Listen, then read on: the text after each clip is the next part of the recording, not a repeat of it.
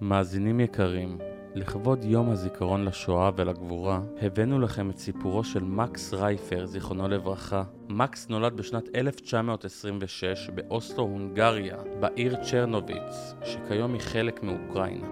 מקס סיפר אודות חייו בשנת 2021 כחלק מפרויקט זיכרון בסלון. אנחנו מזמינים אתכם להאזין לסיפורו של מקס ולקחת חלק מפיסת זיכרונו. הפרק מוקדש לזכרם של מקס ובתיה רייפר ולכל אותם שישה מיליון ויותר יהודים שנרצחו בשואה. יהי זכרם ברוך. ב-41, בחודש יוני, 22 ליוני, פלשו הצבא הגרמני והרומני באזור שלנו. האזור שלנו היה שייך אז לאוקראינה. והאוקראינים פתחו להם את השערים, הם לא, לא נלחמו בכלל, הם רצו ישר עם הטנקים. והתעוררנו יום אחד שנכנסו הרומנים, והתחילו את החוקים נגד היהודים.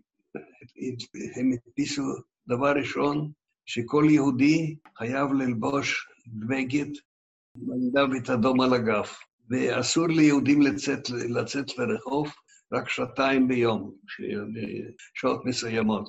עכשיו, העיר שלנו הייתה בעצם 90 אחוז יהודים, ועשרה אחוז היה, היו כל מיני עדות אחרות.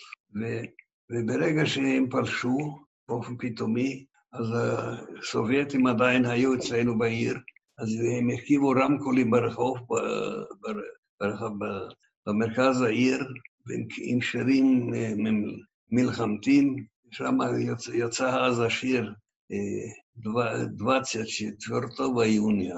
Разно 4 часа на бомбили, קייב במבילי, что началась война. אם אני רוצה לתרגם את זה בעברית, 22 ליוני, בדיוק בשעה 4, הגרמנים התקיפו אותנו, הם הפציצו את קייב והתחילה מלחמה. עכשיו, בתחנת הרכבת בצ'רנוביץ עמדו רכבות, ומי שרצה לעלות על, על רכבת ולברוח, אפשר היה לו לעלות. אבל בלי, בלי מזוודה, בלי כלום. והיו הרבה שעשו את זה, בחורים, בחורות, צעירים, אבל משפחות לא רצו לעזוב את הרכוש שלהם ולברוח. ולפני זה היינו בשל, בשלטון רומני.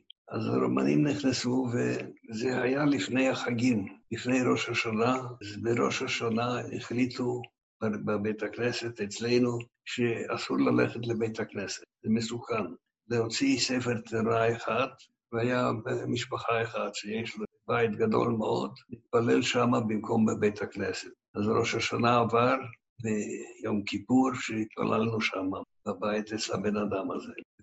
ואחרי זה בסוכות אבא שלי כבר הלך לבית הכנסת, ופתאום הגיע חייל רומני, רכוף על סוס, ועבר לרחוב, על הרחוב שלנו, ודרך רמקול הוא הכריז, כל היהודים שגרים פה, עד שעה ארבע חייב, חייבים לעבור לגטו. והגטו היה, בגטו בצ'רנוביץ היה, היה לנו, היה לנו בית חולים יהודי, ושם היה בית כנסת, זו שכונה שכונה יהודית, שם לא גרו עדות אחרות. אבל שם, גרו איזה עשרת אלפים יהודים, והכניסו שם חמישים אלף יהודים. אז ברגע שבאנו לגטו, למי שהיה למי ללכת, אז נדחפו וגרו בפרוזדורי ובכל מיני מקומות, בצפיפות איומה. ואחרי כמה ימים שהיינו בגטו, אז כל יום הוציאו שם מודעות, הוציאו מודעה שולחים אותנו לאוקראינה בעבודה בחקלאות. במודעות היה שהטרנספורטים ילכו לפי הרחובות, והטרנספורט הראשון היה הרחוב שלנו. אז אנחנו נסע, נסענו עם, הספורט, עם הטרנספורט הראשון לאוקראינה, לנסטר, וקראו מעבר לנסטר, קוראים לזה טרנסניסטריה, מעבר לנסטר, כמו טרנס יורדניה, תהיה ירדן. והגענו לשם עם הרכבת קרוב לנחל, לנהר, הורידו אותנו שם באיזשהו מקום בשדה, וזה היה בסתיו, אוקטובר, גשמים וקר, אנחנו בלי אוכל, לקחנו את האוכל מהבית, זה לא היה... אבל היה שם הרבה אנשים זקנים וילדים, והתחילו להעביר אותנו לצד השני של הדיאסטר. אז העבירו אותנו ברפסודה, ברפסודה יכולים להיכנס 40, 50 איש. אז החייל שם עמד וספר, וברגע שזה הגיע ל-50, הוא סגר את הרפסודה והרפסודה סגרה. אז מספר 50 הייתה אימא שלי. אז אימא שלי אמרה, תן לי לרדת למשפחה למטה. או שתן לי לרדת, או שתן לי למשפחה של, שלי לעלות על הרפסודה, שנהיה ביחד. אין זהו זה, אתה, הרפסודה נסע. הרפסודה עברה לצד שלי של הדיאסטר, ושם חיכו, חיכה להם גם כן שתי חיילים, וקיבלו אותם והובילו אותם לא רחוק משם, היה בניין גדול אה, בזמן הסובייטים, בניין, איזה בניין ממשלתי מגודר, והכניס אותנו שם בפנים. והאימא שלי, אה, לא היו שם הרבה אנשים, שהיא הייתה עם הנגלה השנייה, אז היו שם 50 איש, וכשאימא שלי הגיעה, היו 100. האמא שלי הגיעה, הלכה ליד הגדר, בתוך העיר, כל העיר, היו שם יהודים במוגילף. היה עיר מוגילף, העיר הגדולה. והאישה אחת דיברה עם האמא שלי, ואמרה להם, תשמעי, תשמעי, אתם תראו לברוח מכאן, שמחכה לכם לא טוב פה, שאתם פה צריכים ללכת ברגל יתחילו להביא אותנו.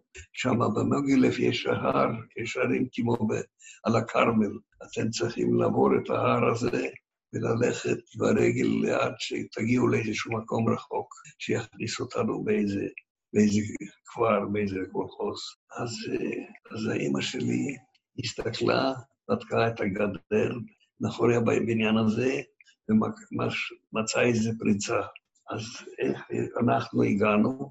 עם הנגלה השנייה, אז היא אמרה, בואו מהר שם על הפריצה, נצא משם ונברח. אז יצאנו דרך הפריצה וברחנו לפריפריה של מוגילף שגאים שם גויים. ונכנסנו לגוי אחד, וביקשנו אותו, אם יש לו חדר בשבילנו, אנחנו נשלם לו. נשלם בבגדים שלא היה כסף. אז הוא אמר, יש, יש לי חדר. אז נכנסנו לחדר אצלו, וקנינו אצלה גם כן, היה לה תפוחי אדמה, אז uh, היינו רעבים, לא אכלנו הרבה זמן, אז עשינו סיר גדול בתפוחי אדמה, ואכלנו את התפוחי אדמה האלה, ואת המים גם כן שתו, שתינו בתור, בתור מרק. אנחנו היינו שם, ועוד קרוב משפחה שלנו. ואבא שלי הלך לעיר, אז אסור היה כל המתיישבים בעיר היו צריכים להיות, אישור להיות בעיר. את מי שתפסו בלי, בלי אישור, שלחו אותו למחנה מוות, קראו לזה, מחנה הכי גרוע, לאגר. ושם, בעיר, בתוך העיר, היה כבר מלא עם יהודים ממערב, מערב בוקובינה, עיירות, כמו רדאוץ, דורנבטרה, קמפולונג, הרבה, הרבה... אלה היו עיירות ששם לא היה, היו רוסים, שם, אבל גירשו אותם משם, גם כן לטרנסניסטריה, הראשונים מאוד לפנינו, והם התיישבו במוגילב. אז שם על יד, במרכז מוגילב, כבר, כבר היו מאכערים שאמרו שהם מסדרים משלוח לאחד הקברים שם, 20 קילומטר ממוגילב, ששם יש יש הרבה בתים ריקים של יהודים, שם גרו יהודים שברחו, וצריך לשלם לקצין העיר במוגילב, שהוא ישלח אותנו לשם. אז אספנו כסף ושילמנו לו, וארגנו את המשלוח 300 איש, ולקחנו גם, קיבלנו עגלות, גם כן בתשלום. על עגלות עלו הזקנים ואת הילדים, ושתי חיילים ליוו אותנו עד לכפר הזה. לכפר הזה קוראים בובצ'ינץ, ואיך שהגענו לכפר הזה, אז הייתה שם המשטרה האוקראינית, המשטרה האוקראינית קיבלו אותנו, החיילים מסרו אותנו, והמשטרה האוקראינית הכניסו את ה-300 איש לשתי בתים, צפוף, לא היה איפה להסתובב. וזה היה בלילה, ישנו שם לילה אחד בבוקר, באו הגויים על יד הגדר, זה היה מגודר, באו למכור, למכור אה, לחם, תפוחי אדמה, תמורת אה, בגדים, להחליף אוכל תמורת בגדים. ואחד הגויים שם, אישה אחת, אמרה לאישה אחת שלנו, תשמעי, אתם צריכים לראות, להיות, לברוח מפה, שפה מחכה לכם רק המוות. שהיהודים פה בכפר שלנו הם לא ברחו. לי היה חברים יהודים שהרגו אותם, והמיליציה הזאת, הם מתכננים להרוג אתכם גם כן. אז מה עושים? זה ממריא, איזה גוי הזה אמרה לנו, שעשרה קילומטר מפה יש עיירה שקוראים לה צ'רניפצי, ושם גרים יהודים מקומים, ולהם יש קשר שם עם קצין העיר. אז uh, תשלחו שני בחורים שיברחו מה, מהבתים האלה, ושם לעיר, לעיירה צ'רניפצי, ולספר שם ליהודים מה קורה, שאנחנו בסכנה. והם ידעו מה קורה, שקרובי משפחה שלהם שם נהרגו. אז uh, היהודים האלה תקף התארגנו ושילמו לקצין העיר שישלח חיילים להוציא אותנו, להוציא אותנו לעיירה הזו. ושתי החייל, החיילים האלה חזרו בחזרה שם לבובצ'ינץ, יחד עם שתי ז'נדרמים. והז'נדרמים באו לשם כאילו לעשות uh, ביקורת של הנשק, איזה נשק הם מחזיקים המיליציה. המיליציה היה מותר להחזיק להם רק רובים, ובדקו ומצאו אצלם שתי מכונות ירייה, שעם המכונות ירייה האלה הם הרגו את כל היהודים שם. אז החרימו להם את כל הנשק, ונתנו הוראה ששם מראש הכפר בבקצ'ינץ, לתת עגלות בסוסים ולהעביר אותנו לצ'רניפצי. אז uh, העביר אותנו לצ'רניפצי, הגענו לצ'רניפצי, הגענו לגן עדן, המקומים, היהודים המקומים שגרים בצ'רניפצי. כל משפחה שגרה שם קיבלה משפחה שלנו מה, מהפליטים. אנחנו, אנחנו נכנסנו חמישה איש, שתי אחיות והורים שלי, נכנסנו לבית, לא האמנו איזה, איזה ניקיון, איזה זה היה יום שישי בערב, שולחן ארוך, חלות עם אוכל, לא יאומן. בקיצור, היהודים האלה בצ'רניפצי היו ביחסים טובים עם קצין העיר. הם ידעו איזה כפר טוב ואיזה כפר לא טוב. אז הם ידעו שיש כפר שקוראים לו פוליטנקה, שישלחו אותנו שם לפוליטנקה. ושבעיר בצ'רניפצי אי אפשר היה להישאר. אז שלחו אותנו לפוליטנקה. כשהגענו לפוליטנקה, כן, ואבא שלי, הוא ידע שלוש שפות, הוא דיבר גם אוקראינית, גם תימנית וגם גרמנית. אז שמה בכפר הזה, פוליטנקה, אה, הביא אותנו ומסרו אותנו לראש הכפר, שהוא ידאג לנו. אז האבא שלי דיבר איתו באוקראינית. אז הוא אמר לו, תשמע, יש לי פה, דווקא הוא היה ידידותי, קיבל אותנו יפה. אז הוא אומר, יש לי שני בתים ריקים, שאנשים, שהם ברחו עם הסובייטים, אבל כמה אנשים יכולים להיכנס שם לשני הבתים האלה? אבל אתם 300, אז כל היתר יש לי בקולחוס, גר מחסן גדול, אז אני נותן לכם את המחסן, תסתדרו שם. ובכפר הזה היו גם כן ארבע, ארבע צעירים שברחו מצ'רנוביץ, אבל הגרמנים השיגו אותם, אז הם נשארו שם בכפר. הם הגיעו עד לכפר הזה ולא יכלו ללכת הלאה, אז הם היו כבר שמה, ולהם נתנו תנאים יותר טובים. הם לא התערבבו איתנו, אנחנו היינו משהו אחר, ונשארנו שם בפוליטנקה. ואז האבא שלי, בבית אחד, נכנסנו שלושה משפחות. בבית הזה היה חדר חמש של ארבע נגיד. היה תנור אפייה, תנור גדול, אז גם על התנור אפשר היה לישון שתיים. אז שם הכניס, נכנסו ארבע משפחות, ארבע משפחות, חמש עשרה איש. ובבית השני אותו דבר, וכל היתר הלכו לקולחוס. עכשיו שם בלילה, כן, ישב, ישנו על הרצפה, אז היה אחד על יד השני, והראש הכבר דווקא עזר לנו. הוא אמר לאבא שלי, שם בשדה יש רימות עם קש, תיקח לך קש כמה שאתה רוצה, שתוכלי לישון על קש. אז האבא שלי עם עוד שתי גברים הלכו לשם והביאו קש, הרבה קש, ושמו את זה לרצפה, ועל הכבר קש שמו מה שהיה לנו, בגדים, וישנו כך. והתחיל החורף, התחיל לרדת שלג, והיה קר. הרומנים, הרומנים שלטו שם, והרומנים הוציאו חוק שכל בית בכפר חייב לתרום לצבא הרומני זוג אה, כפפות של צמר וזוג גרביים של צמר. אבל הגויים לא יודעים לסרוק, אז הם באו ליהודים, הביאו צמר, שנסרוק להם.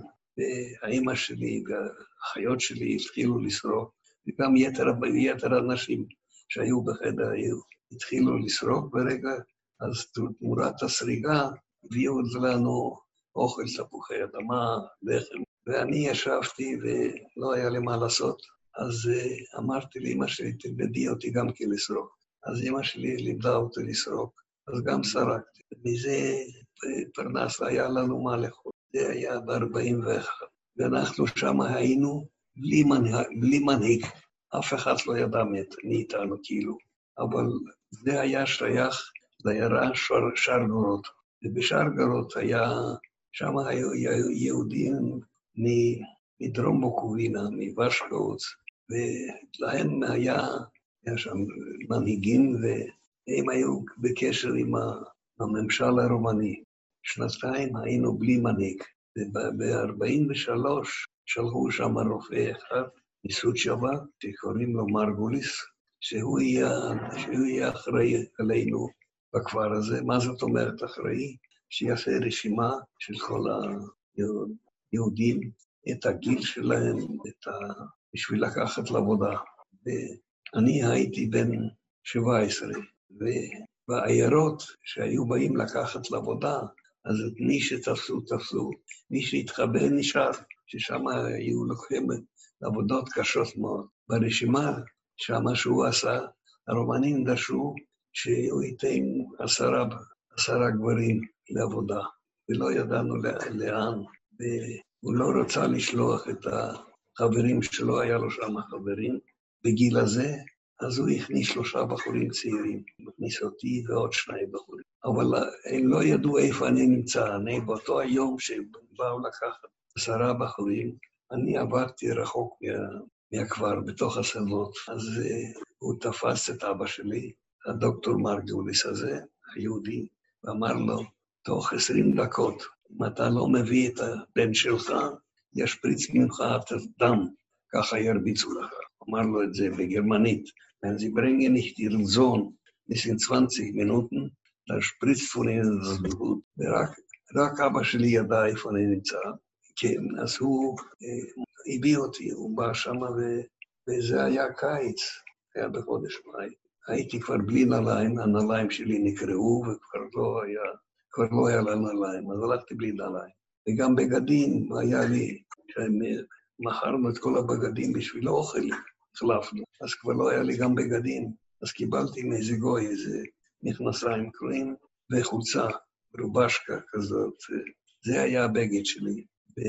כן, אבל בכפר שלנו היה גם כן חייל אחד, חייל יהודי, שנפל בשבי ברוסיה, בשבי הגרמנים, ושם בשבי הפרידו בין היהודים ואוקראינים והרוסים.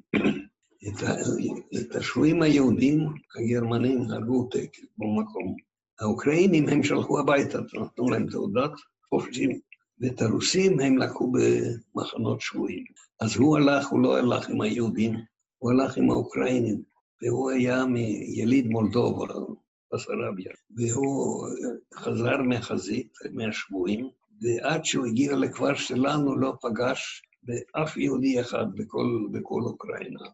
אוקראינה היה כבר נקייה מיהודים, הרגו את כל היהודים. אז הוא, הוא הגיע לכפר שלנו, אז, אז הוא סיפר את הסיפור הזה, והוא אמר שהוא רוצה ללכת הביתה לבסרביה, קראו לזה, היום מולדובה, ואצל הרומנים קראו לזה בסרביה, וגם היה שייך לרומניה. אז אמרו לו, תשמע, אין לך מה ללכת, במולדובה לא נשאר אף יהודי.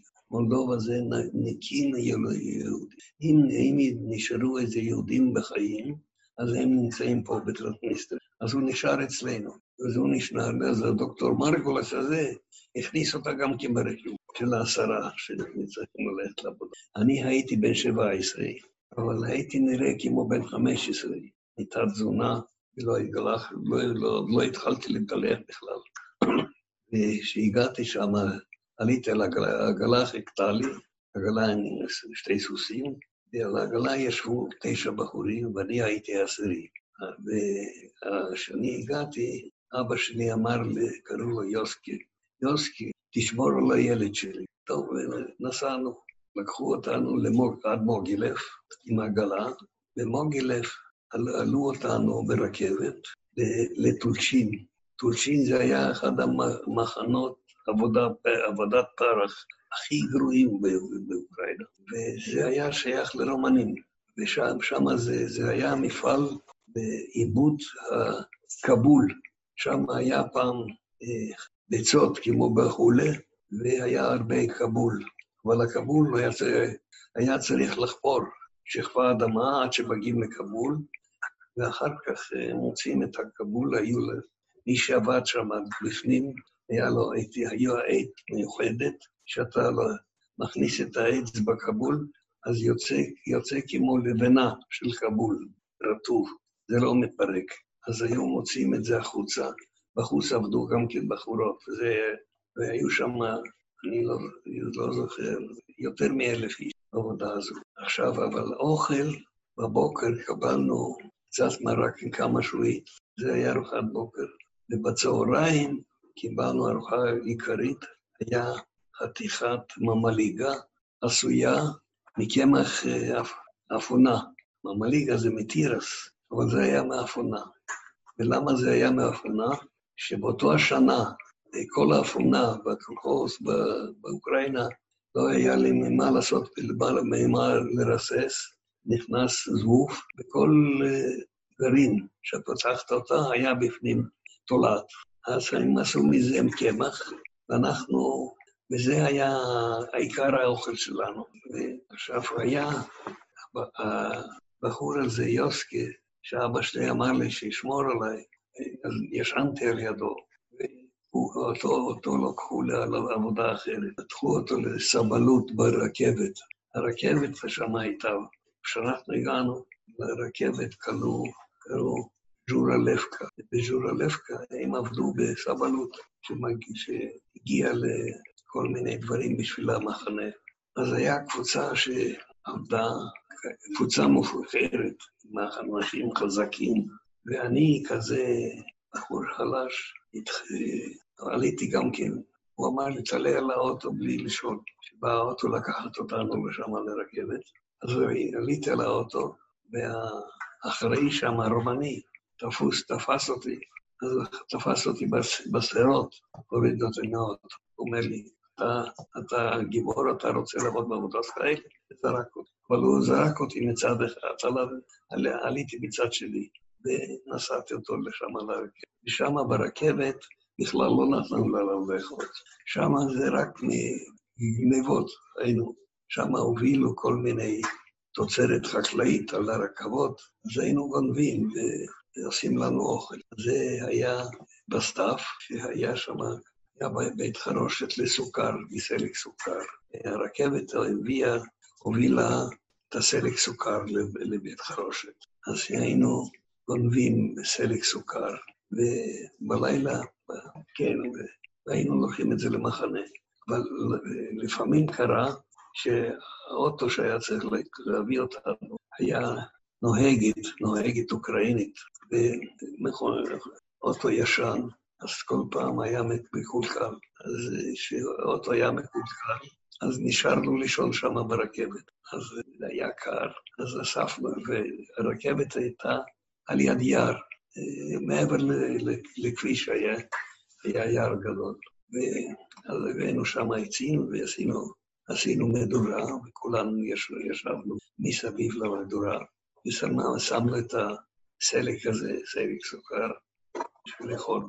וזה היה, זה היה ב-43, בתקופה שהייתה כבר נסיגה חזקה מסטלינגרד, ושם הרכבות עברו מלא עם חיילים, עם קצינים בדרך כלל. חיילים הלכו ברגל, חיילים גרמנים. כל הכביש היה מלא עם חיילים גרמנים, וברכבת היו רק, הרכבת היה בכלל בידיים של, ה, של הגרמנים, לא בטרנסניסטריה גם כי הרומנים שלטו שם, אבל ברכבת לא, הרכבת הייתה בידיים של הגרמנים. ואיך שאנחנו שם יושבים מסביב למדורה, אז קצין גרמני אחד מתקרב אלינו, מתקרב, ושם היו גם כן בחורים מקומים אוקראינים שלא לא מבינים, לא, לא מדברים גרמנית. והקסין הזה בא, מתקרב ומסתכל מה אנחנו אוכלים. אז הוא אומר בגרמנית, אני הבנתי מה שהוא אומר. הוא אומר, הרבה לא את זה, אנשים מסכנים, מה הם אוכלים. אז הוא אומר להם, אתם צריכים לאכול בשר, שתהיו חזקים, והם לא מבינים מה שמדבר, אז הוא מראה, כמו שוחטים על חזיר, שוויין, שוויין אומר, חזיר, אני לא רציתי להראות שאני מבין, טוב, הוא הסתכל ב... כן, אז הוא אומר, כן, מה הוא עוד אמר? הוא אומר, לא, noch ein, eine, ein, zwei, drei Wochen sind sie frei. היטלר kaputt, סטלינגרד kaputt, alles kaputt. והוא אומר, ich bin, ich bin ein Österreicher. הוא לא מגרמניה, הוא מאוסטריה, הוא לא, הוא, לא, הוא לא ידע שאנחנו יהודים, הוא חשב שאנחנו אוקראינים. אבל יום אחד לחייל הרוסי הזה היה קצת כסף, ושם ברכבת עבדו גם גויים, אוקראינים, והוא עשה תוכנית לברוח משם, ששם היה גרוע ביותר. אז הוא עשה, דיבר, דיבר עם בחור אוקראיני, עשו שהוא יוביל אותנו, לא ידענו את הדרך, שנחזור לפוליטנקה. תמורת כסף, הוא לא היה... אז הוא ועוד שני בחורים, שלושה בחורים, ולקחו גם אותי. לי לא היה כסף, והחלטנו יום אחד, במקום לחכות לרכב, שבא לקחת אותנו, אנחנו נכנסים ליער ובורחים. והולכים אחרי, אחרי האוקראיני הזה. האוקראיני הזה יוביל אותנו לפוליטיקה. ואנחנו הולכים, הלכנו ככה עד 12 בלילה, הגענו לכביש אחד. אז הכביש הזה, הזה, האוקראיני הזה שמוביל אותנו, אומר, פה זה חצי דרך, עכשיו אני רוצה חצי כסף. טוב, לא היה ברירה, נתנו לו כסף. אז הוא אומר, עכשיו אנחנו יוצאים מהיער, ואני צריך לבדוק את הכביש אין חיילים או משהו, ואני אתן צפצוף, אתם באים אחריי. הוא לקח את הכסף, יצא מהיער ונעלם, ואנחנו נשארנו שם בשטח, לא יודעים לאן ללכת. אבל ראינו מרחוק איזה כפר, איזה, שיש אור בחלון, אז הלכנו לכפר הזה, וניגשים לבית אחד, דופקים בחלון, אז אחד שואל, מי, מי אתם? מי זה? אמרנו, אנחנו היהודים שברחנו מטורקים. אז הוא התחיל לקלל אותנו. אני יוצא עוד מעט עם גרזן ואני הורג אותך. הם באים לי להפריע באמצע הלילה. טוב, הלכנו הלאה לבית אחר. בבית אחר מצאנו זקן אחד, והזקן הזה קיבל אותנו יפה, ורצינו שהוא ידריך אותנו איך ללכת לכיוון פוליטנקה, שרגל. אז הוא אומר, אתם, זה מסובך, אתם לא תגיעו. אבל יש פה גם כן איזה, איזה עיירה יהודית, שתלכו לשם, לעיירה הזו, אני אראה לכם את הדרך, ותדברו איתם שהם הם כבר ידריכו אתכם הלאה. אז הלכנו לפי זה, והגענו לפנות בוקר שם לעיירה הזו. והעיירה הזו, הבתים עם תריסים של עץ סגורים, הכל הרמטי. אנחנו דופקים בתריס אחד, לא עונים תריס שני, עד שאחד פתחה את התריס ושאלה אותנו מי, מי אנחנו. אמרנו, אנחנו ברחנו מטוצ'ין. אז היא פחדה, אז תכף הודיעה שם לראש העיירה, וראש העיירה הכניס אותנו שם לאיזה מסרן, והלכו להתייצות, מה לעשות איתו. וחזרו מההתייצות שלהם, החליטו, אנחנו החלטנו שאתם תחזרו למקום עבודה, ללכת לאן שאתם רוצים ללכת, זה 90 אחוז מוות. שפה בדרך שולטים הגרמנים, והיו כמה בחורים כמוכם שהלכו, ושהגרמנים תופסים פה יהודי, אז יש להם שם דוברמנים, כלבים, זורקים את הידיד שהכלבים קוראים אותו לחתיכות, אוכלים אותו, שעשוע בשבילהם, אז לא כדאי לכם, אז תחזרו לעבודה. את הדרך בחזרה אתם מכירים את זה. בקיצור, שמענו אותם וחזרנו מאיפה שברחנו מתחנת הרכבות. באותו הלילה לא באו לקחת את הפועלים, אז כאילו שלא ברחנו, חזרנו. הלכנו כל הלילה וחזרנו. עכשיו, מהכפר שלנו, מפוליטנקה, שתי בחורים בתולשים ברחו, והם הצליחו להגיע לפוליטנקה. הם הצליחו להגיע, והיו עייפים, שכבו שם לישון, ונודע לראש הכפר, לראש הקבוצה, לראש היהודים, הדוקטור מרגוליס הזה, מישהו סיפר לו ששתי בחורים ברחו מעבודה מטולצ'ין וחזרו לכפר. אז הוא ישר הלך לז'נדרמים והודיע להם שפה שתי בחורים ברחו מטולצ'ין. אז אה, הם לא הספיקו לנוח, אז כבר באו ז'נדרמים ולקחו אותם ולהחזיר אותם לטולצ'ין. אז צריכים להחזיר אותם למוגילף, כל פעם היה איזה טרנספורט לטולצ'ין. אז אה, הם הלכו למוגילף ברגל, מתחנה אחת של המשטרה לתחנה שנייה, עד שהגיעו למוגילף. כשהם הגיעו למוגילף, ולא היה טרנספורט, ולא היה, ידעו מה לעשות איתם, אז קצין העיר אמר לחייל אחד, תוציאו אותם לנהר לדיאסטר ותירה בהם. אז הוא הוציא אותם שם לדיאסטר, ירה בהם. אחד אה, נפל ומת, והשני נפל ועשה את עצמו ולא נפגע. אז הוא קם, כבר לא חזר לכפר, והוא רק אה, עם שליחים הוא הודיעו לכפר שלנו שמה שקרה להם. טוב, זה היה כבר, אז הסיפור הזה כבר היה ב-44, כבר לקראת הסוף, וכשאני חזר לקראת הסוף, הרומנים רצו לעשות איזה, זה היה מדובר שאנחנו שם עובדים עד, החורף, עד מתי שאפשר לחפור, אחר כך הכל קפוא. אז, אז, אז הם יעבירו אותנו לגרמנים. זה היה על יד הבוק, הר בוק. הרומנים שלטו מנהר הדניאסטר עד נהר הבוק, ומעבר לבוק היו הגרמנים. אז היה מדובר שאי אפשר לעבוד, אז הם יעבירו אותנו לגרמנים, אבל בינתיים הרומנים הרגישו שהגרמנים הולכים להפסיד. התחילה הנסיגה מסטלינגרד, והתחילה הנסיגה הגדולה, אז הרומנים הוציאו אותנו משם, החזירו אותנו למוגילה. אז הרומנים הוציאו אותנו בלילה, שהגרמנים לא ירגישו שבתחנת הרכבת היה, שלטו הגרמנים. אז אמרו לנו, אסור להוציא הגה, ללכת. הלכנו מה... עד הרכבת זה 17 קילומטר.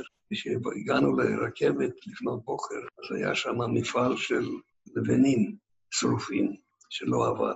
אז הכניסו אותנו לתוך התנורים האלה, שהגרמנים לא ירגישו בנו.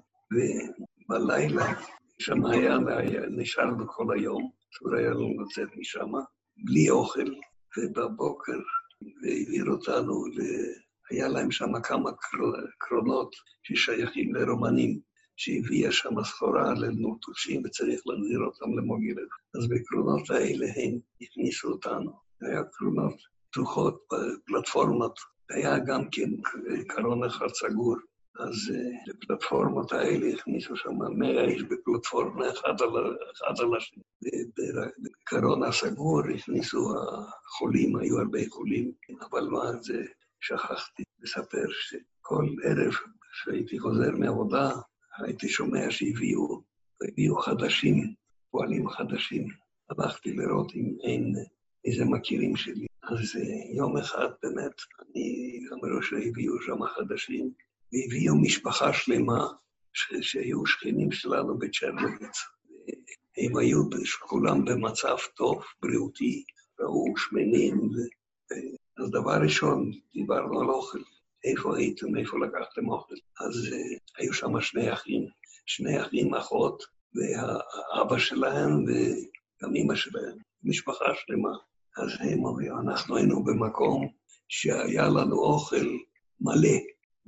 אנחנו הבאנו אוכל ליתר האנשים שהיו שם. אז איזה אוכל? אנחנו עברנו במקום איפה שהיינו מורידים את האורות של איזה פרה או איזה חסיר שמת, של איזו מחלה. אז הביאו אותם לשם, ושם היה, היה צריך להוריד את האור. ואת הבשר היו קוברים. אז אנחנו לקחנו מהבשר הזה, חתכנו בשר יפה, הבאנו למחנה ובישלנו את זה ואכלנו את זה. היה לנו גם שומן של החזיר, וזה, ומזה אנחנו קיימנו. לחם לא היה, אבל בשר היה. והם היו כבר קרוב לשחרור שהם, שהם מחזירים אותנו. אותו הזמן, ב-40 ו... לא, זה לא, אני כבר מתבלבל. זה היה באמת ב-43. אז, אז הרומנים כבר ראו שרוצים לעשות איזה ג'סטה ליהודים, אז הם החזירו אותנו לכל המקומות האלה בתוך טרנסניסטריה, והתחילה נסיגה חזקה. וברגע שאני חזרתי, הלכתי לעבוד בסריגה, לסרוק בגוי, לא, לא רק גר, גרף או כפפות, הייתי סורק סוודר שלם, צמר, צמר גס, שעלה, סרקתי למשל סוודר, אז ישבתי אצל הגוי וסרקתי אצלו, ואכלתי אצלו מה שהם אוכלים. ולגמר עבודה הוא שילם לי בקמח או בתפוח אדמה. יום אחד, יום אחד אני עבדתי בבית אחד של גוי, שרק האישה הייתה בבית, האישה עם ילד, ונולד להם עגל קטן. אז קר, זה היה קר מאוד בחוץ, אז הם הכניסו את העגל הביתה, שיהיה על יד התנור שלא ימות מקור. וכל ערב שם היה הכביש הראשי, הכביש היה מלא עם חיילים ש... שבורחים מהחזית. וערב אחד באים שלושה חיילים, דופקים בדלת שם אצל הגויה, ונכנסים, וזה היה שלושה, שלושה חיילים גרמאי רומנים. בלי להגיד שלום, ככה בגסות נכנסו הביתה, רואים את העגל הזה אומר אחד לשני, זה טוב בשביל לעשות uh, על, על האש. ונותנים הוראה לגויה לעשות מים חמים, הם צריכים להתרחץ. והגויה המסכנה, היא, היא לא מבינה אותם, ואני מבין אותם, אז אני אומר לה מה לעשות. ברגע שאני אמרתי לה מה לעשות, אז הם תפסו שאני מבין רומנית. אז הם uh, התחילו לדבר איתי ברומנית. אתה, אתה מדבר רומנית? כן. והתחילו לנשק אותי, אומר, אתה, אתה אח שלנו, אנחנו אחים, אנחנו מה זה היהודים? היה לי חברים בבית ספר יהודים, אנחנו אוהבים את היהודים. זה היה לקראת סוף המלחמה, וזה היה לילה אחד. לילה אחד שם באו גרמנים, שתי, שתי חיילים גרמנים, גם כן, באו שם בשביל לישון בכפר, ולמחרת להמשיך ללכת ברגל. אז הגרמנים גם כן ישבו, היה להם, בתוך התרמילים שלהם, היה להם אוכל והכל. גם שוקולד היה להם. ואני גם כן הבנתי מה שהם מדברים ביניהם, אז אחד אומר לשני, מסתכלים במפה, איפה הם נמצאים ואיפה החזית, שהחזית, שהרוסים לא יתפסו אותם. אז הם אומרים, לא כדאי לנו פה ללון, שהרוסים יכולים להגיע לפה. אז הם ישבו שם, התחממו, אכלו את האוכל שלהם, לא ביקשו מהגויה שום דבר, והסתלחו. ואחרי כמה ימים נכנסו באמת, הגיעו הרוסים, הצבא הרוסי, והיה שלג גבוה, ואנחנו ראינו דרך החלון איך שהרוסים תפסו שם חייל גרמני, הורידו לו את המגפיים, שירוץ בלי מגפיים בשלג, ואז לקחו אותם לשבי. דפקו, נכנסו בית בית, נכנסו גם בבית שלנו, וראו אותנו, ואמרנו שאנחנו יהודים, גירשו אותנו הרומנים, וכן, עכשיו היינו שם שלוש שנים, בכפר הזה, ממה להתקיים, אז אני למדתי כל מיני מקצוע חדש. הגויים לובשים בחורף ולנקיס, מגפיים כאלה מצמר, עם גלושים של גומי, והגלושים האלה נקרא לו וצריך לתקן את זה. אז בשרגורות, הכפר שלנו לשרגורות היה עשרה קילומטר. ושמעתי, בשרגורות אפשר להשיג אה, דבק בשביל לעבוד, בשביל לתקן גלושים. אז אה, הלכתי לשרגורות וקניתי בקבוק עם דבק, ואיך היה? בשרגורות היה יהודי שהוא בא עם, עם אה, נעליים, עם הסוליה של קרפ. קרפ זה, זה, זה סוג של גומי, שאם אתה לוקח חתיכה ושם את זה בבקבוק בנזין, זה נמס תקף, וזה הופך לדבק, דבק לגומי. עכשיו, אה, אז הלכתי לבית לבית לשאול אם יש להם תקרות, אה, לתקן משהו, הם אמרו שכן, אז אה, ישבתי אצלם ותיקנתי להם, והרווחתי את הכסף. באביב, בכפר, באביב היה הרבה עבודה, שכל בית של האוקראיני, יש לו על יד הבית שטח, כמה דונם, שהם זורים שם תפוחי אדמה, ואין להם, וזה כל עשוי ידנית, חורשים את האדמה עם העט, הופכים את האדמה בשביל לזרוע תפוחי אדמה. ואני עובד אצל גוי אחד, הופך את האדמה שם עם העט, ועובר גוי, גוי של הכפר, גוי אחר, ואומר, שואל את הבעל הבית שמה, באוקראינית, צ'יצה לובסט, של מי הילד הזה? אז אה, מה הוא עונה לו? הוא אומר לו, את הנכלופץ, את הז'ידוק, זה לא, זה לא ילד, זה יהודי, יהודי זה לא ילד. ועוד אה, דברים כאלה, מה שקראו לי. טוב, אז הגיעו הרוסים, ולא חיכינו הרבה זמן, ורצינו לחזור הביתה לצ'רנוביץ.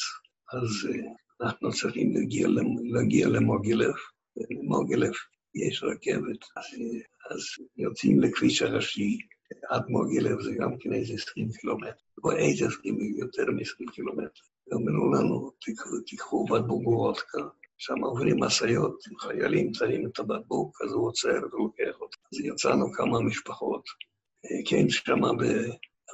מה ש... כשהגענו לשם היינו 300 איש, ובשחרור היינו 100. חלק התפזר והיתר מתו. מתו מטיפוס ומקור. אז אנחנו יוצאים על הכביש עם כמה משפחות, מרימים את הבקבוק אז עוצרת משאית, ועל המשאית יש שני חיילים. ואבא שלי עולה על המשאית, וכל אחד נותן לו את התרמיל שלו, את השק שלו, מה שיש לו. וברגע שעצרנו כל, כל, כל התרמילים, הכל על האוטו, הוא מתחיל לנסוע, הוא רוצה לברוח עם, ה, עם, ה, עם הרכוש שלנו. אז איך הוא התחיל לנסוע? אז האבא שלי התחיל לזרוק את זה על הכביש, אנחנו הוספנו. אז הוא, אז הוא ראה שזה לא, הוא לא מצליח, אז הוא עצר ואבא שלי ירד. אז חזרנו לכפר ואמרנו, אנחנו כבר לא נוסעים עם טמפים, עם הרוסים.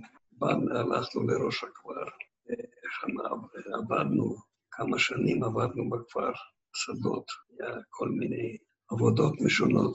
למשל, היה שדה ליד נחל, ששם שתלו עגבניות.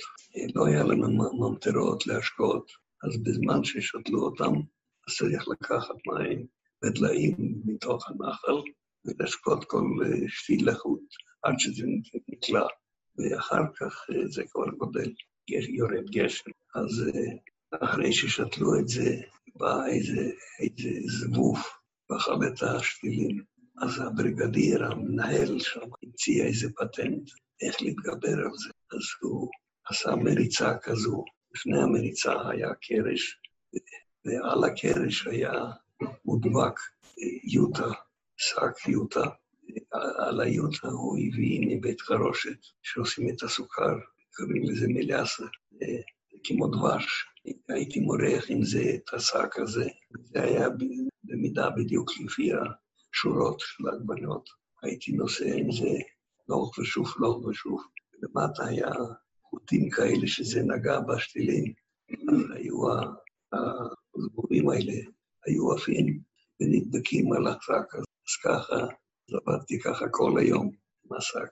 אחר כך היה עוד איזה ג'וק שאכל את השורש של, של השתיל.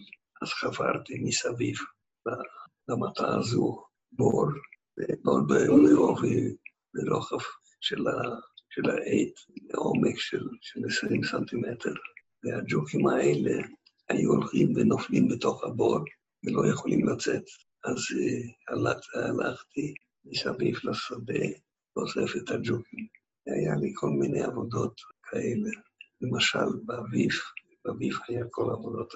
היה כל, כל גוי שותל ליד הבית שלו שטח עם החוטים האלה שעושים שקים, שכחתי קוראים לזה. ואז הוא זורע את זה ליד הבית, אבל באים הציפורים ואוכלים את הזרעים, אז עד שזה עושה שורש, אז אני ישבתי כל הזמן וגירשתי את הציפורים, הייתי זורק אבנים, משהו אחר. זה היה התפקיד שלי לשבת, לגרש את הציפורים מהשטח הזרוע. כן, עכשיו הדוקטור מרגוליס, זה שהלשין על שתי הבחורים האלה שברחו מצ'וצ'ין, שבאו הרוסים, הוא נעלם, הוא עזב את הכפר, הוא פחד, הוא פחד, הוא פחד מהרוסים, והוא נעלם, לא יודעים לאיפה הוא נעלם. אנחנו חזרנו לצ'רנוביץ, והאימא של, של הבחור שנהרג, בגללו שהוא הלשין עליו, אז היא עמדה במרכז העיר, היה, בצ'רנוביץ היה חשמלית, מקצה אחד לקצה השני, תחנות. אז היא אמרה בתחנה, בתחנה במרכז העיר, ופתאום הרופא הזה יורד מהטרמביי, מהחשמלית. איך שהוא ירד מהחשמלית, היא קפצה עליו, התחילו לצרוח, אתה הרגת את הבן שלי, בגללך הבן, בגללך הבן שלי נהרג. אז תקף בא, היו שם שוטרים, ושאלה, מה, מה קורה, מה, למה אתה, למה אתה עושה את זה? אז היא אמרה, הבן שלי מת בגללו. טוב, אז עצרו אותו יחד איתה, והביאו אותם שם לשופט, ל-NKVD. ושאלו אותה, יש לך עדים? אז היא אמרה, כן. והיא לקחה את האימא שלי, והוא קיבל עשר שנים בסיביר, אבל הוא לא, הוא גמר את העשר שנים ו... ויצא. באזור שלנו גר, גרו הרבה גרמנים מדורי דורות, ושהריבנטרופ ומולוטוב שעשו את ההסכם על אי התקפה, היה שם סעיף שברית המועצות תיתן לצאת לכל הגרמנים. מי, כל גרמני שרצה לעזוב את ברית המועצות, יכול לעזוב את ברית המועצות. היטלר אמר שאם הגרמניה קורא לכם שתחזרו לגרמניה, לעזור להם, אז כל הגרמנים באמת עז, עז, עזבו את האזור, והיה להם שנה עד פרוץ המלחמה, יכלו למכור כל הרכוש שלהם. מקס, מתי הגעת לישראל? ב-48, בדצמבר 48, לחנוכה. מעניין, מרומניה יצאו שתי אוניות גדולות, ב-47, פן יורק ופן קרשנט, תחת דגל פנמי. שתי האוניות האלה, בטח האנגלים תפסו אותם, הביאו אותם לתל קפריסין. ואנחנו, בשתי, אחד האוניות, פן יורק או פן קרשנט, לא זוכר איזה, איזה אונייה, הפכו אותה לאונייה ישראלית, וקראו לה בשם עצמאות. והאונייה הזו הייתה האונייה הראשונה שיצא מנמל קונסטנצה, מרומניה, ישר לחיפה. וכשאנחנו הגענו לחיפה, ואני ראיתי שם את הכל כתוב בעברית, זה אי אפשר לתאר את, ה, את השמחה שהגעתי לגן עדן. אני תמיד, אני אמרתי, אני מוכן לאכול לחם עם בצל ולהיות עם פלסטינה. טוב, אין, אין, אין, אין מישהו מכם שמבין רומנית. אני, אני הייתי בתנועה, תנועה ציונית, קורדוניה, והיה בן דוד של אבא שלי, קראו לו פרופסור ממפרד רייפר. הוא היה ציוני גדול, הוא היה מנהיג הציונות ציונית בבוקובינה, וב-39 הוא כתב מאמר בעיתון של היהודים, וקרא לכל היהודים באירופה לעזוב את אירופה. הוא ראה כבר אז, הוא אמר, אדמה באירופה בוערת. תעזבו את אירופה. האנגלים לא רצו לתת אפשרות לבוא לפלסטינה, היה רק מעט מאוד. אז הוא כתב שמה, תעזבו את אירופה, לא חשוב לאן, לסין, ליפן, איפה שתקבלו אה, ויזה להיכנס, אבל רק לעזוב את אירופה. אז רצו להרוג אותה, אלה יהודים שהיו נגד זה, והוא עזב, את, אה, הוא עזב והגיע ארצה. כשאנחנו הגענו, הגענו ארצה ב-48', הוא עוד היה חי, אבל היה עיוור.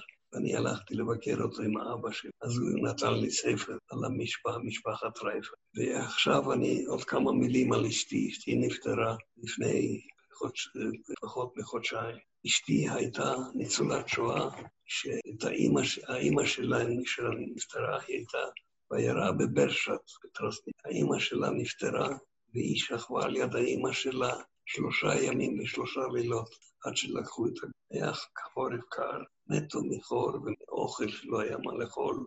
את אשתי, אני הכרתי את כל המשפחה שלה, המחלות שהיה לה, היה לה מתרסדים. כן, את האבא שלה לקחו הגרמני, הגרמנים לעבודה בניקולאייב, על יד בים השחור, והאימא שלה מתה מרב. כן, היה לנו גם משפחה בפולין. האחות של אימא שלי התחתנה, והסבא והסבתא שלי היו אנשים מאוד דתיים, אז הם המליצו שיקימו בית חדש בעיירה בפולין, זאת בפולין, בגליציה, מעבר לגבול. זה היה בגבול עם, עם בוקובינה, קרוב מאוד. אז אה, למה, למה הם יעצו להם שיקימו שם את הבית? הסבא והסבתא שלהם אמרו, צ'רנוביץ זה עיר של, אה, של גויים, לא, רוצים, לא, לא שומרים את כל המצוות. שם בעיירה קטנה, והסבתא נפטרה בזמן שהרוסים היו בצ'רנוביץ.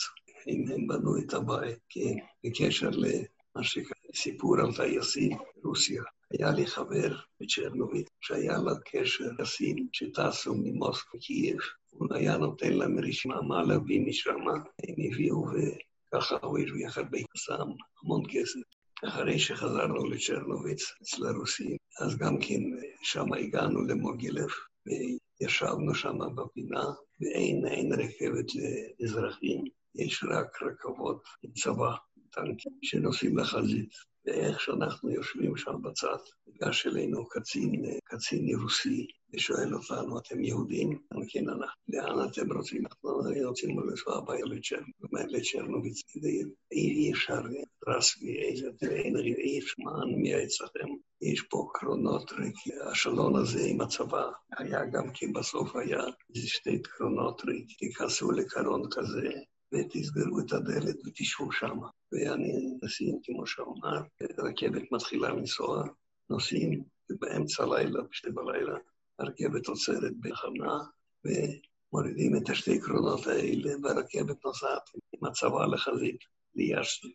אנחנו נשארנו שם, לא ידענו איפה אנחנו. אז אני יורד, רואה שם איזה בית קטן עם, עם תאורה, והולך לבית הזה ושואל, יושב שם בתחנה, ואני שואל אותו איך אני יכול להגיע לצ'רן, הוא מסתכל אליי, מאיפה הגעת? הוא חשב שהגעת הגעת מהירח, פה זה רק תנועה של רכבות צבאיות, אין, תחזור מאיפה שבאת, תתחיל לצעוק עליי. טוב, אז אמרתי, אז חזרתי למשפחה, לקרקטי, נהיה בוקר, באו פועלים לעבודה, אז הפועלים, התחלתי לדבר איתם ושואל אותם, איפה הפסים, פסי רכבת שמובילים לכיוון צ'רנוביץ. אז הם הראו לי, שם על הפסים האלה גם כן עמדו קרונות ריקות. אז נכנסנו שוב פעם לברן, עברנו מקרון לקרון, ובעבד הם חיברו את הקרון הזה לרכבת. ונוסעים לצ'רנוביץ, נוסעים לצ'רנוביץ, לפני צ'רנוביץ, יש עיירה ז'וצ'קה, שם עצרה הרכבת,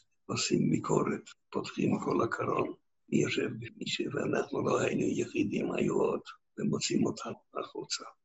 הרכבת עברה ואנחנו נשארנו שם, על יד הפרוט. הפרוט זה הגבול של צ'רנוביץ. ושם היו גם כן, היו פועלים שם, שלא אתם היו יהודים, איך אפשר להיכנס לצ'רנוביץ? אומרים, צריך כסף. שם בכניסה לגשר, עובר לצ'רנוביץ, עומד חייל, הוא מבקש אה, דוקומנט, אתה מכניס לו 50 רובל, אז, הוא נותן לך לבוא. אמרתי, אבל אין לנו כסף. אז אה, שאלנו האם מישהו, עוד משהו ששכחתי לספר, שבצ'רנוביץ, שאנחנו נסענו עם הטרנספורטר, אחרי זה ראש העיר של צ'רנוביץ שלח מברק לבוקרסט, אמר, אם אתם מגרשים את כל היהודים מצ'רנוביץ, אז אני מתפטר, אין לי מי לנהל את העיר. אז הוא קיבל אישור לתת אישורי שחייה בצ'רנוביץ ל-15,000 תושבים. בעלי מקצוע. אז בין ה-15,000 היה גם אח של אבא. אז שם שאלנו את הפועלים האלה, מישהו מכיר את האח של אבא שלי? אז כן, אז היה אחד, אמר כן, אני מכיר. אמרנו, תלך אליו ותגיד לו שהאח שלו, היינריך, נמצא פה, אין לו, אין לו כסף ורוצה להיכנס לעיר. אז חיכינו, ישנו שם, למחרת בבוקר, בא לעבודה, הביא לנו, הביא לנו כסף. אנחנו הולכים מגיעים לגשר, אז הוא אומר, стоп, документы. אז הוא מוציא אבא, משימי רובל, נותן לו, הוא אומר, דווי. באמצע הגשר עומד עוד חייל, שוב פעם סטופ. אני אומר לו, דוקומנטה, אמרתי, הראיתי לדוקומנטה לחייל שזה עומד בכניסה, נזעת אז בחזרה. טוב, אז נותנים לו גם 50 רב, וגם בקצה השני גם היה חייל, עוד שוב פעם אותו סיפור. אז ככה 150 רובל עברנו, עברנו את הגשר, אנחנו מגיעים לבית שלנו, אז הבית שלנו היה בלי דלתות, בלי חלונות, משקופים מוצאים. שם השכנים שלנו, הגויים, לא היה להם עץ לחמם את הבתים בחורף, אז הם פרקו את הכל מה ש... אבל מול הבית שלנו היה בית של אה, קצין רומני, קצין משטרה רומני, והוא, איך שהרוסים נכנסו, הוא, הוא ברח לרומניה. והבית היה ריק, אז נכנסנו לבית הזה, ושם בבית הזה של הקצין גרנו כבר עד שעלינו, עד שיצאנו מרומניה, מצ'רנוביץ, זאת אומרת מרוסיה, לרומניה. נשארנו עוד ברומניה עוד שנתיים, עד 48, ב-46 עברנו לרומניה, וב-48 הגענו ארצה עם האונייה הראשונה, האונייה הישראלית, עצמאות. אז גם כן הגענו ארצה, לקחו אותנו לבית עולים של עתלית, שבבית עולים הזה היה היו גם שבויים, אה, חצי מהמחנה היה עם שבויים מצרים, וחצי היה עם עולים חדשים. והיו, היה, היו זמנים קשים, לא היה עבודה, אבל אני לא ישבתי יום אחד בלי עבודה, אני עבדתי כל הזמן. למה שאם אתה רוצה לעבוד, למצוא עבודה, אתה מוצא. היה גם, אה, כן, אה, היינו איזה בית עולים, היינו שבוע ימים, אז הכריזו ברמקולים ששחררו את לוד ורמלה, ומי שרוצה ללכת לגור בבית ערבי, שיבוא לרשם. ומי שלא יבוא, יישאר פה הרבה זמן, שאנחנו מתחילים להביא את היהודים מקפריסין, שיושבים כבר שנה בקפריסין, אז יהיה להם זכות קדימה. טוב, אז נשבנו ללוד, ועכשיו בלוד היה לשכת עבודה, לא היה עבודה בכלל. בחורף היה קטיף, במשאית מכפר סבא, ומי שהיה יכול לעלות יותר מהר על המשאית, לקחו אותו לעבוד. היה, שד... היה גם דברים מצחיקים. אנחנו לקח, אני ראיתי שאבא שלי בן אדם זקן, הוא לא יכול ללכת לכל מיני עבודות. אני אעשה לו לול עם התרנגולות. ולקחתי בית ככה מחוץ לעיר, שיהיה הרבה אדמה. בניתי לו שם, היו מלא פחים בסביבה, קרשים. קרשים, בניתי לו לול. בניתי לו לול, קיבלתי מה, מהסוכנות 300 אפרוחים לגדל. אימא שלי הייתה בדודה שנשארה ברומניה, אז האפרוחים האלה גדלו ונהיו תרנגולות. האימא שלי כתבה לה שהסתדרנו, ברוך השם, יש לנו 300 תרנגולות שמטילות ביצים, ברוך השם, אנחנו, אנחנו מרוצים. אז המכתב השני, הבדות עונה לה, אני שמח לשמוע שהצטדרתם, שגרתם, שאתם קיבלו, קיבלתם דירה ויש, ויש לכם 300 תרנגולות, רק משהו לא ברור לי, ה-300 תרנגולות האלה, הם רק שלכם או של כל הכפר? שברומניה לא היה שום כפר, עיקר שיהיה לו 300 תרנגולים. אם היה לו 50 תרנגולים, אז זה היה הרבה. אבל אנחנו, לא היה לנו שום טענות, לא לכל המשפחה שלי. אנחנו היינו, אני, אני אמרתי ברומניה שאני רוצה להגיע ארצה לאכול לחם עם בצל, העיקר להגיע ארצה. אני לא חלמתי שאני אשב ואני אדבר עם טייסים ישראלים. בשבילי זה כבוד גדול, ואני מאושר מאוד. אני לא יודע כמה שאני עוד אחיה, אבל אני זכיתי לספר את הסיפור שלי לטייסים ישראלים, טייסי קרב. כל הכבוד, כל הכבוד. ויש לי שישה נכדים, נכדה אחת עכשיו בחיל אוויר, יש לי נכד אחד שהוא מהנדס מחשבים, ומהנדס, ונכד אחד מהנדס אלקטרוניקה, ושלוש נכדות. אחת למדה עורך דין, יש לו תואר עורך דין, וממשיכה ללמוד מנהל עסקים. ואני מאושר, מאוד מאושר, מהחיים בארץ.